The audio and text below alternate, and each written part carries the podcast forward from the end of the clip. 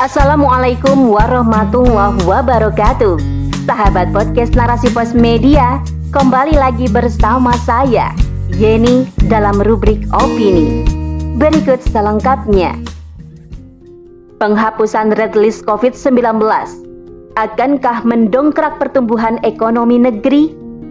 Oleh Ayu Mela Yulianti SPT Menteri Luar Negeri Retno Marsudi meminta petinggi negara sahabat untuk menghapus Indonesia dari daftar merah perjalanan. Retno mengatakan, dalam pertemuan tinggi di sidang Majelis Umum PBB ke-76 di New York, Jumat 24 September 2021 malam waktu AS, ia sudah melakukan pembahasan beberapa isu dengan 18 negara. Salah satunya terkait penanganan COVID-19 banyak upaya yang dilakukan untuk kembali mendongkrak pertumbuhan ekonomi negeri. Satu di antaranya adalah upaya diplomasi yang dilakukan para menteri terhadap negara luar. Antara lain adalah permintaan penghapusan Indonesia dari daftar merah perjalanan. Sehingga dengan adanya upaya penghapusan ini diharapkan dapat kembali mendongkrak sektor pariwisata, di mana wisatawan asing kembali datang ke Indonesia sehingga dapat mendorong dan mengembalikan ekonomi negeri menuju pertumbuhannya kembali setelah ambruk terpuruk akibat hempasan wabah COVID-19. Kestabilan ekonomi negeri dan kebangkitannya sebetulnya sudah mulai tampak sedikit demi sedikit semenjak badai pandemi mulai mereda walaupun harus dibayar dengan kehilangan jutaan nyawa namun benarkah dengan penghapusan Indonesia dari daftar merah perjalanan mampu mendorong pertumbuhan ekonomi negeri ke arah yang lebih baik? Jamak diketahui bahwa penghapusan daftar merah perjalanan diharapkan akan membuat Indonesia menjadi salah satu negara yang aman untuk dikunjungi oleh para wisatawan asing. Kedatangan mereka berarti pula kedatangan fulus bagi negeri ini. Namun haruslah diperhatikan tingkat keamanannya. Mengingat wisatawan yang datang ke Indonesia juga bukanlah wisatawan yang steril dan bebas dari penyakit ataupun berbagai macam virus yang bisa saja menyebar masuk kembali ke dalam negeri seiring kedatangan para wisatawan tersebut. Artinya, harus ada kepastian keamanan dari setiap orang yang akan datang ke dalam negeri. Sebab risiko yang harus ditanggung oleh anak negeri terlalu besar dibandingkan harga yang diterima. Jika hal ini terjadi, maka yang kita terima malah tekor pendapatan bukan rekor pendapatan.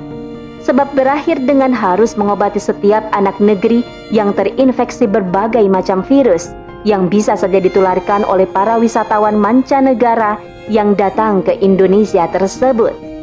Namun, lagi-lagi pola pikir negeri ini memang sudah terinfeksi pola pikir instan akibat cengkeraman sistem sekuler kapitalisme yang melihat segala hal dari sudut pandang untung rugi materi duniawi semata. Tidak peduli walaupun harus mengorbankan nyawa dan kesehatan publik.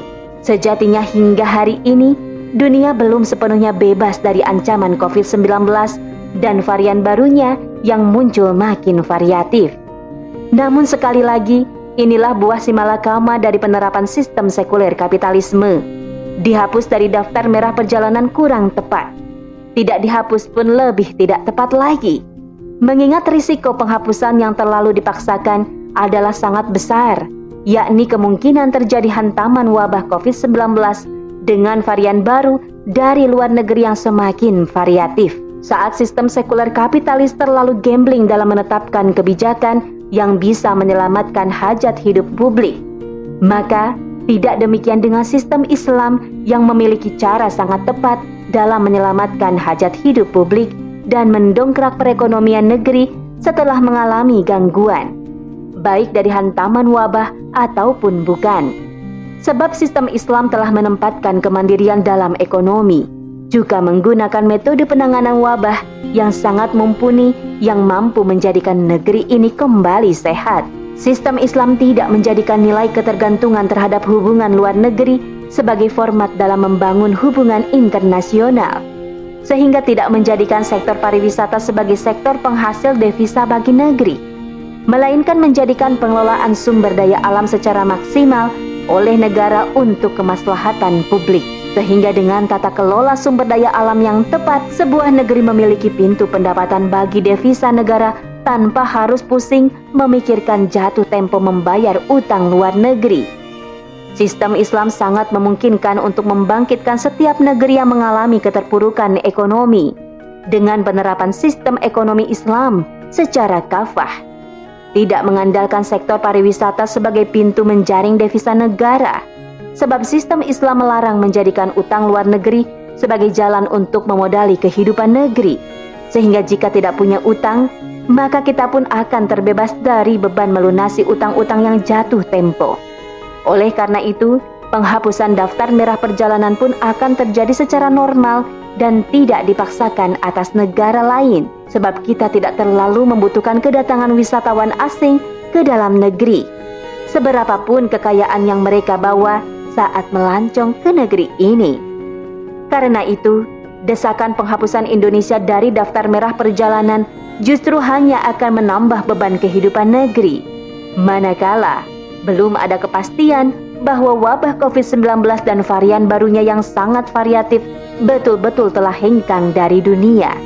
Hal yang sangat mendesak adalah justru penerapan sistem Islam kafah yang sangat manusiawi dan penghapusan dikte sistem sekuler kapitalisme yang membuat ekonomi Indonesia semakin terpuruk sehingga sulit untuk bangkit.